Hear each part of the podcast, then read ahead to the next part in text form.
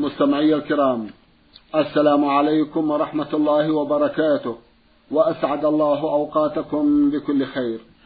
هذه حلقة جديدة مع رسائلكم في برنامج نور على الدرب.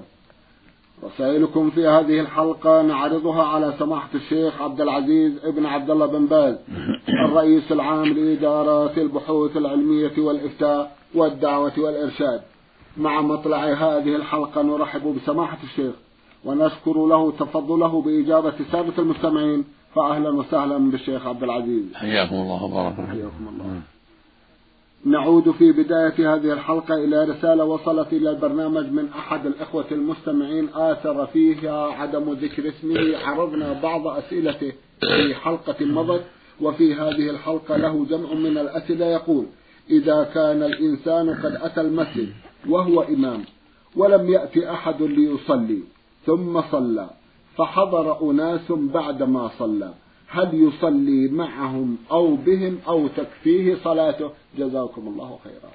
بسم الله الرحمن الرحيم. الحمد لله وصلى الله وسلم على رسول الله وعلى آله وأصحابه من اهتدى بهداه. أما بعد فمشروع للإمام إذا جاء المسجد ألا يعجل وأن ينتظر المأمومين.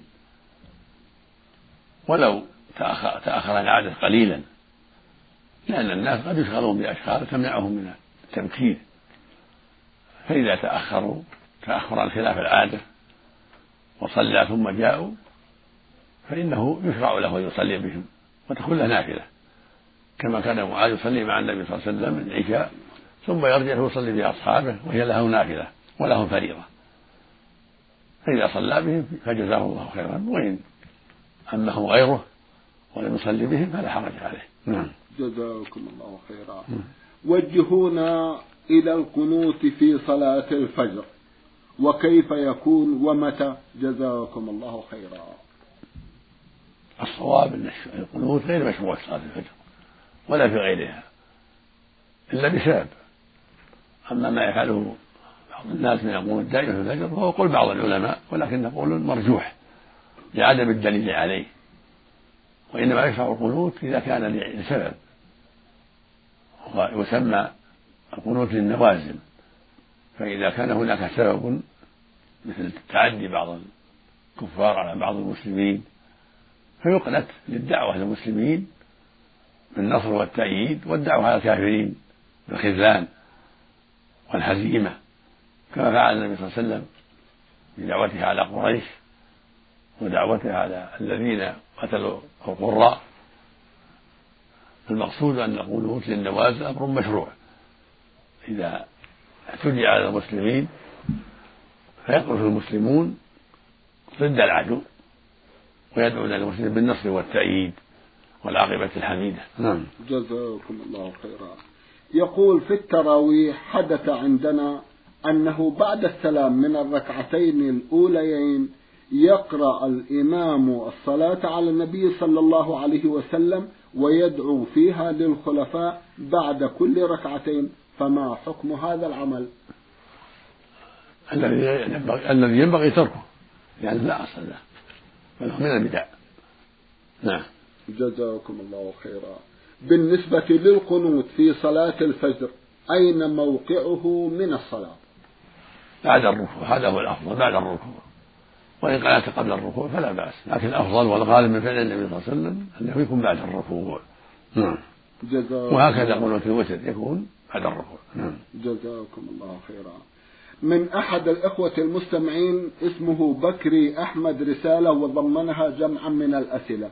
يسأل عن مصافحة عدد من النساء ويصفهم كالتالي وجهوني حول مصافحة زوجة الجد هل هي جائزة أو لا. مصافحة النساء إذا كن من المحارم لا بأس بها ولا حرج فيها. وزوجة الجد من المحارم زوجة أبيك وجدك وجد جدك كلهن من المحارم. وهكذا زوجة أبنائك زوجات أبنائك وأبناء بناتك وأبناء بنيك كلهن من المحارم. أما زوجة أخيك فليست من المحارم لا تصافحها وهكذا زوجة عمك وخالك وابن عمك كلهن ليس من المحارم وهكذا جارتك زوجة جارك كلها كلهن من الأجناب. لا تصافح ولكن لا مانع من السلام. السلام مشروع بالكلام. السلام عليكم وعليكم السلام كيف حالكم كيف أولادكم؟ كل هذا طيب. هذا مشروع. أما المصافحة فلا. لا تصافح إلا من كانت محرم لك لكونها أختك أو بنتك أو أمك أو عمتك أو خالتك أو زوجة أبيك أو زوجة جدك أو زوجة ابنك أو ابن ابنك أو ابن بنتك. هؤلاء كلهن محارم. نعم. جزاكم الله خيرا. أيضا مصافحة الجد لزوجة ابن ابنه. نعم فهم محارمه سواء كان من الرضاعة أو من النسب. ما شاء الله. وهكذا زوجة أبيه من الرضاعة والنسب كلهن محارم. نعم. مصافحة البنت التي لم تبلغ. إذا كانت صغيرة لا يضر. دون التسع. نعم. لأنها ليست محلا للشهوة. أما إذا كان بنت تسع فأكثر فالذي ينبغي ترك مصافحتها لأنها حينئذ محل الشهوة وتعتبر امرأة. فلا ينبغي أن تصافح لرجل أجنبي هذا هو الذي ينبغي للمؤمن التحرز من الشر. نعم. جزاكم الله خيرا. مصافحة أخت الزوجة. وهكذا أخت الزوجة وعمتها وخالتها كلهن أجناب لسن محارم لا تصافحها ولا تقبلها ولا تنظر إليها. وعليها أن تستتر منك. وليس لك الخلوة. ليس كالخلوة أيضا بزوجة أخيك أو زوجة عمك أو خالك. كما أنه ليس ليس لك أن تصافحها وليس لها أن تكشف لك. نعم. جزاكم الله خيرا. في ثبوت رؤية هلال رمضان في السنة الماضية سمعنا ثبوته من خلال إذاعة عربية وصمنا على ذلك. ولكن لم تبثه إذاعة بلدنا. وحدث خلاف بين الناس. قال البعض يعتبر هذا اليوم يوم شك. السؤال هل الشخص ملزم أو مقيد ببلده وبالرؤية في بلده أو بالرؤية في أي بلد إسلامي. جزاكم الله خيرا. صومه مع أهل بلده أولى حذرا من الخلاف والشقاق. كون يصوم معهم ويفطر معهم إذا كانوا يعتبرون إذا كانوا يصومون على الوجه الشرعي ويتحرون رؤية الهلال فصومه معهم وإفطاره معهم أولى خروجا من الخلاف. وحذرا من الانشقاق. أما إذا كانوا لا يبالون فإنه يصوم بالرؤية إذا ثبتت الرؤية في أي بلد رؤية شرعية بلد إسلامي يصوم بها. لقول النبي صلى الله عليه وسلم صوموا رؤيته وأفطروا رؤيته. فإن غم عليكم فأكثروا عدة ثلاثين. فإذا كانت الدولة تحكم بالشرع في ذلك وتعتني بالرؤية فإنه يصوم برؤيتها والحمد لله. لكن إذا كان أهل بلد أهل بلد يعتنون ويصومون بالرؤية ويفطرون فهو معهم. لا لا يشق عنهم ولا يحدث فتنة بل يكون معهم في الصيام والإفطار. لما ثبت عن ابن عباس رضي الله عنهما أنه قدم عليه قريب مولى مولاه من الشام وابن عباس في المدينة رضي الله عنه فسأل كريبا عن صوم أهل الشام فقال كريب صاموا بالجمعة. طاعه بالجمعة وصاموا وصام معاوية. فقال ابن عباس رضي الله عنهما لكن نرى إنه بالسبت فلا لازم نصوم حتى نراه أو العدة. فهكذا أمرنا الرسول صلى الله عليه وسلم. يعني بهذا قوله عليه الصلاة والسلام صوموا رؤيته وأفطروا رؤيته فإن غم عليكم فأكملوا العدة. فجعل ابن عباس صوم أهل المدينة. على السبت أولى من متابعة معاوية. هذا حجة من قال إن لكل أهل بلد رؤيتهم لكل أهل بلد رؤيتهم إذا كانوا يعتنون بالشرع ويعتنون بالرؤية. نعم. وإن صام المسلم بصوم البلد التي سبقته ورأت الرؤيا ورأت الهلال وثبت ذلك إذا صاموا برؤيتهم فهو أولى لهم. حتى يكون تكون كلمة المسلمين واحدة حتى يجتمعوا على شهرهم العظيم شهر رمضان وإن انفرد أهل بلده وصاموا برؤيتهم فهو معهم ولا حرج لقوله صلى الله عليه وسلم الصوم يوم تصومون والإفطار يوم تفطرون والأضحى يوم تضحون ولخبر ابن عباس الذي تقدم في قصته مع أهل الشام. والخلاصة أن الإنسان يصوم مع أهل بلده ويفطر معهم إذا كانوا يعتنون بالرؤية. وإن صام مع غيرهم إذا كانوا لا يعتنون ولا يهتمون بالرؤية فهذا هذا هو الذي يجب عليه عملا بالسنة. لكن إذا كان يعتنى بالرؤية ويصوم بالرؤية أو بالعدة فإنه يصوم معهم ويفطر معهم حذرا من الانشقاق والتفرق. أما إذا كان ليس عندهم عناية بالشهر أو يصومون بالحساب لا. فإنه عليه يصوم مع من صام بالرؤية. لقول النبي صلى الله عليه وسلم صوموا لرؤيته وأفطروا رؤيته نعم. جزاكم الله خيرا. أحد الإخوة المستمعين رمز إلى اسمه بالحروف عين ميم يقول في سؤال ربما يكون فيه شيء من الغرابة كيف هي زكاة الراتب الشهري؟ إذا لم أوفر منه شيء وأنفقه على الوجه الشرعي. إذا كان الراتب لا يتوفر منه شيء بل ينفق في وقته فليس فيه زكاة. أما إذا كان يبقى شيء حتى حال عليه الحول فإنه زكى. إذا كان نصابا فهل زكى في كل مئة اثنان ونصف والألف خمسة وعشرون. أما إذا كان الراتب ينفق في وقته ولا يبقى شيء فليس فليس فيه زكاة. الحمد لله. نعم. يقول إذا قرأت في الصلاة الجهرية سرا هل هذا يخل بالصلاة؟ وهل علي سجود سهو؟ لا يخل بالصلاة ولكن تركت الأفضل وتركت السنة وليس عليك سجود السهو وإن سجدت فحسن. إذا كنت تركته سهوا. نعم. جزاكم الله خيرا. ما حكم نصب القباب على قبور الصالحين بقصد تشريفهم وتكريمهم؟ وما حكم التبرك بها والاستشفاء بها والصلاة عندها وخاصة صلاة الأعياد وبماذا تنصحون الناس؟ جزاكم الله خيرا. نصب القباب على القبور. منكر. ومن وسائل الشرك. وهكذا البناء عليها بناء المساجد. كله منكر. ومن عمل اليهود والنصارى. يقول النبي صلى الله عليه وسلم لعن الله اليهود والنصارى اتخذوا قبور انبيائهم مساجد فالواجب الحذر من ذلك وعدم التشبه بهم. لأنهم فعلوا ما يسبب الشرك والرسول ذمهم على هذا ولعنهم عليه. والواجب هدمها الواجب على ولاة الأمور إذا كانوا مسلمين أن يهدموها ويزيلوها. وتبقى القبور مكشوفة ليس عليها قباب ولا مساجد كما كان في عهد النبي صلى الله عليه وسلم وعهد الصحابة. وكما كانت عند أهل السنة في مقابرهم وكما في المملكة العربية السعودية بحمد الله فإنها مكشوفة وليس عليها بناء. ولا يجوز التبرك بها ولا دعاء أهلها ولا الاستغاثة بهم ولا النذر لهم بل هذا من الشرك الأكبر. دعاؤهم والاستغاثة بهم والنذر لهم وطلب البركة منهم كله من الشرك الأكبر نعوذ بالله. وهكذا الذبح لهم.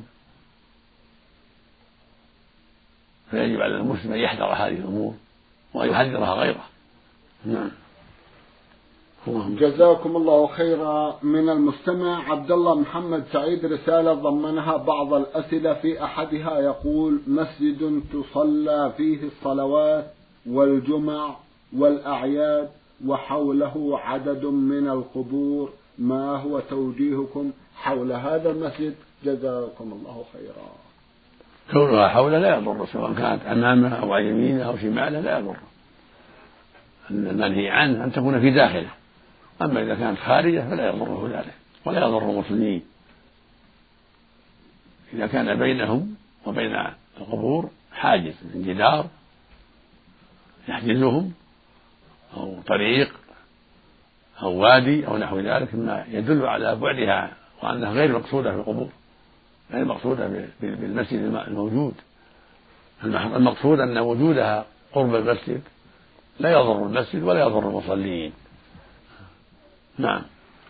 جزاكم الله خيرا. يقول رجل له صوت جميل ويريد أن يقرأ القرآن الكريم للناس في المساجد أو في غيرها من أجل أن يدخل الرقة في قلوبهم. هل هذا يعد من الرياء؟ جزاكم الله خيرا. ليس من الرياء إذا قصد الخير وأراد أن يسمعهم القرآن لترق قلوبهم ويستفيدوا لا حرج. أما إذا قصد الرياء فلا يجوز. نعوذ بالله. جزاكم الله خيرا. يقول إذا تسبب أحد الأشخاص في قتل إحدى الأغنام فهل عليه أن يدفع بديلا عنها جزاكم الله خيرا. نعم إذا قتلها يلزمه قيمتها يلزمه البديل يلزمه الغرامة لظلمه وعدوانه. وهكذا لو كان مخطئا غلطان ما تعمد يلزمه أيضا. لأن الإتلاف لا يشترط فيه العمد بل يضمن ولو بالخطأ. نعم. جزاكم الله خيرا. المستمع محمد عبد الرحمن عثمان بعث رسالة ضمنها سؤالين في سؤاله الأول يقول إذا قرأت سورة بعد الفاتحة في الركعتين الأخيرتين في الرباعية أو في الركعة الأخيرة في المغرب فهل علي سجود سهو؟ وماذا أقول فيه جزاكم الله خيرا؟ ليس عليك سجود سهو ولكن ترك ذلك أفضل ترك القراءة أفضل ومن قرأ فلا حرج. قد ثبت من حديث أبي سعيد رضي الله عنه ما يدل على أن النبي صلى الله عليه وسلم قرأ الثالثة والرابعة زيادة على الفاتحة. وثبت من عن الصديق رضي الله عنه أنه قرأ في الثالثة من المغرب بعد الفاتحة ربنا لا تزغ قلوبنا بعد إذ هديتنا وهب لنا من لدنك رحمة إنك أنت الوهاب. فالأمر في هذا واسع لكن ترك القراءة أفضل. إلا في الظهر فلا بأس من القراءة. في الثالثة والرابعة والشيء زيادة على الفاتحة في بعض الأحيان لحديث أبي سعيد. نعم. جزاكم الله خيرا. إذا شك الإنسان في صلاته فكيف يكون السجود؟ وهل يسمى حينئذ سجود الشك؟ إذا شك في صلاته يسجد للسهو بعدما يعمل ما شرع الله له. إذا شك هذه ثلاثة أو أربعة جاءها ثلاث يبني عن اليقين.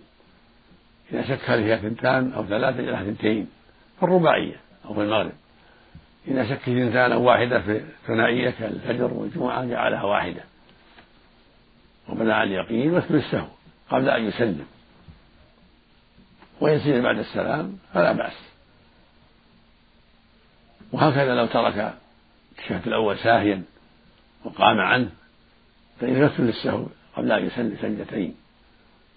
يقول فيهما مثل ما يقول في الصلاة سبحان ربي أعلى سبحان ربي أعلى. سبحانك اللهم ربنا وبحمدك اللهم اغفر لي يدعو فيها مثل سجود الصلاة سواء. وهكذا لو ترك تسبيحة الركوع سبحان ربي العظيم الركوع وسبحان ربي في السجود. سهوا يستحب يشرع له السجود أيضا للسهو مثل ما لو ترك الشهد الأول. وهكذا إذا سلم عن نقص ركعة أو ركعتين ثم تنبه ونبه يكمل صلاته ويسجد السهو. لكن الأفضل يكون سجود السهو بعد السلام في هذه الحالة. إذا سلم عن نقص أو ركعتين الأفضل يكون سجوده بعد السلام. وإن سجد قبل السلام فلا بأس. وهكذا لو بنى على غالب ظنه. يعني اشتبهت عليه الصلاة صلى ثلاثا أربعا ولكن غلب على ظنه وتحرى الصواب وجعلها ثلاثا. وكمل فإن يسجد السهو والأفضل أن يكون بعد السلام. وهكذا لو على ظنه أنها أربع واعتمدها أربعا فإنه إذا سلم يسجد السهو أفضل بعد السلام.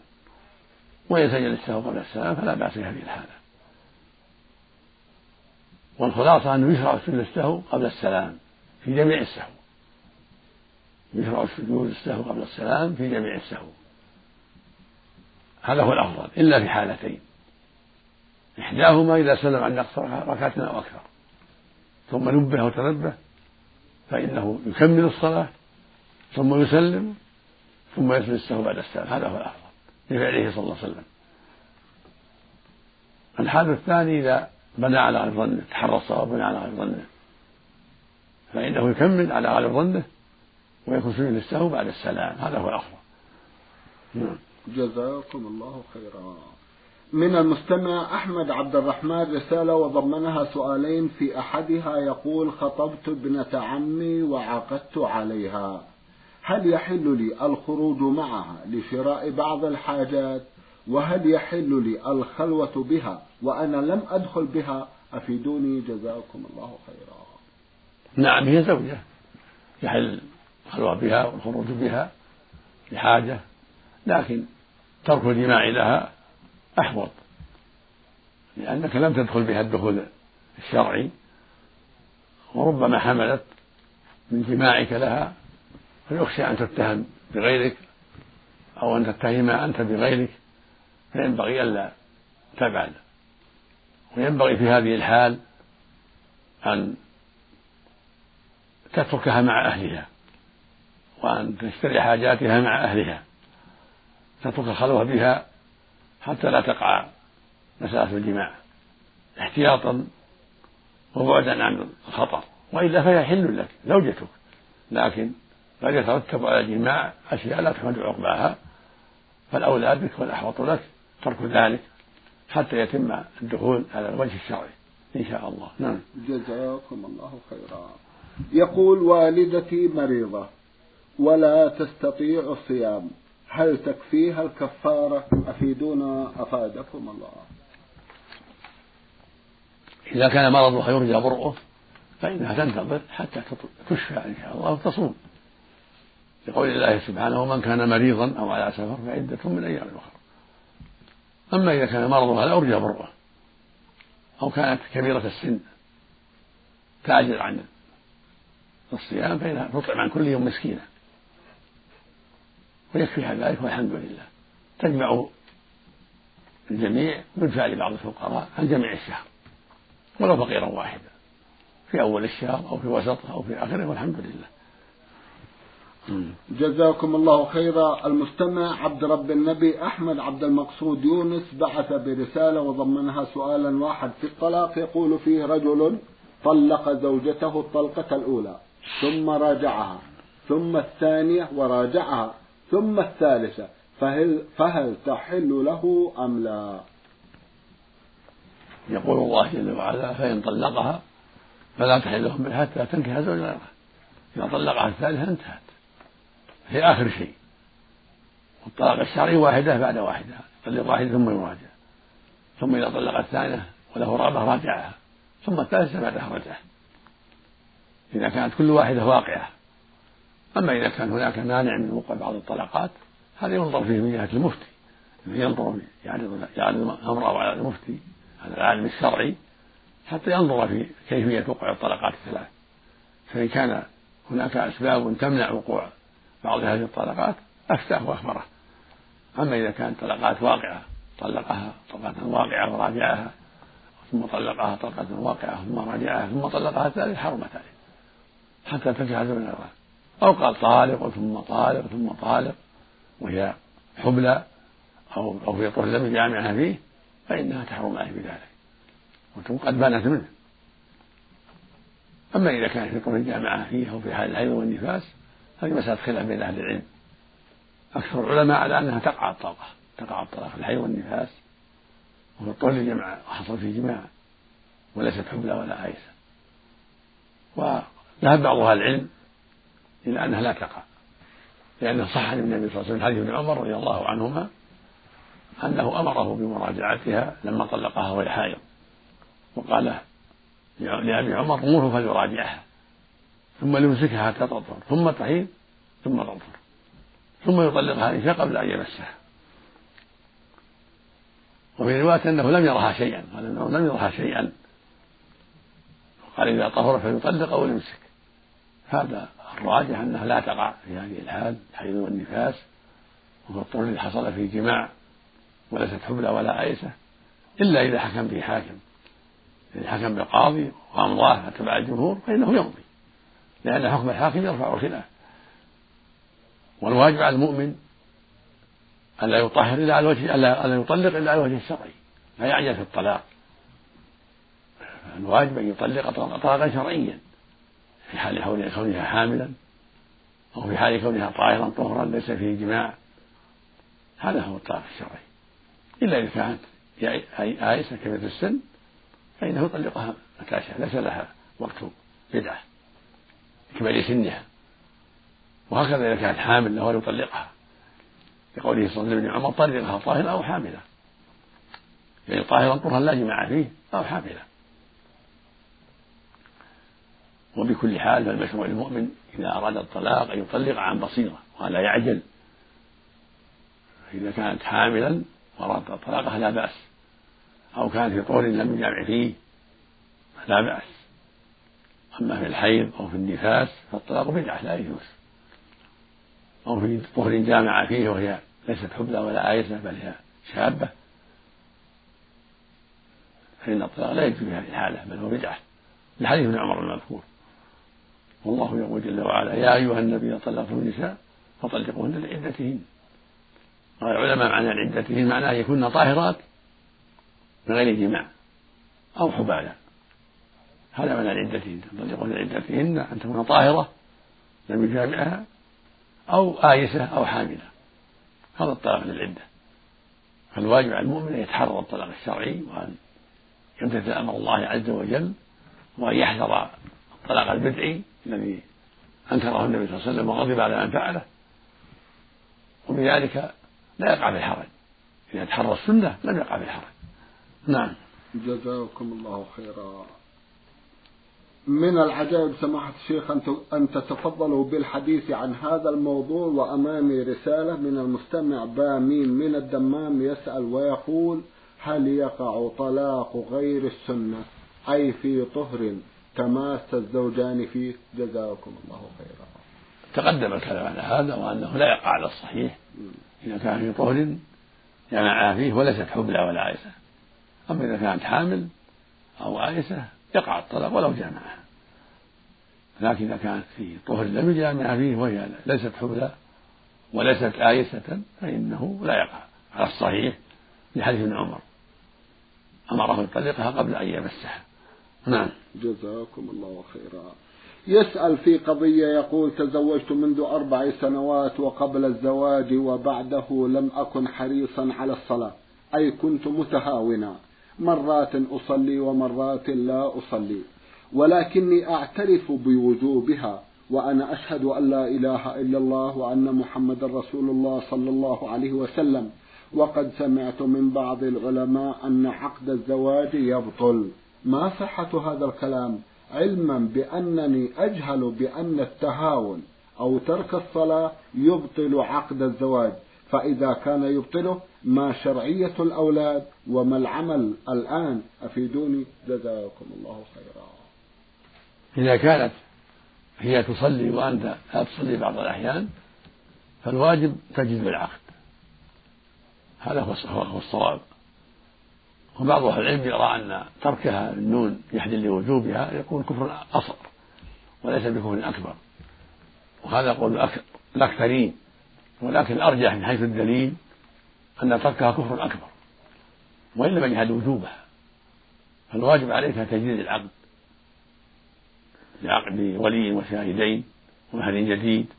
إذا كان لك رغبة وهي لها رغبة إذا كان لكما رغبة كل واحد من رغبة الآخر يجدد العقد.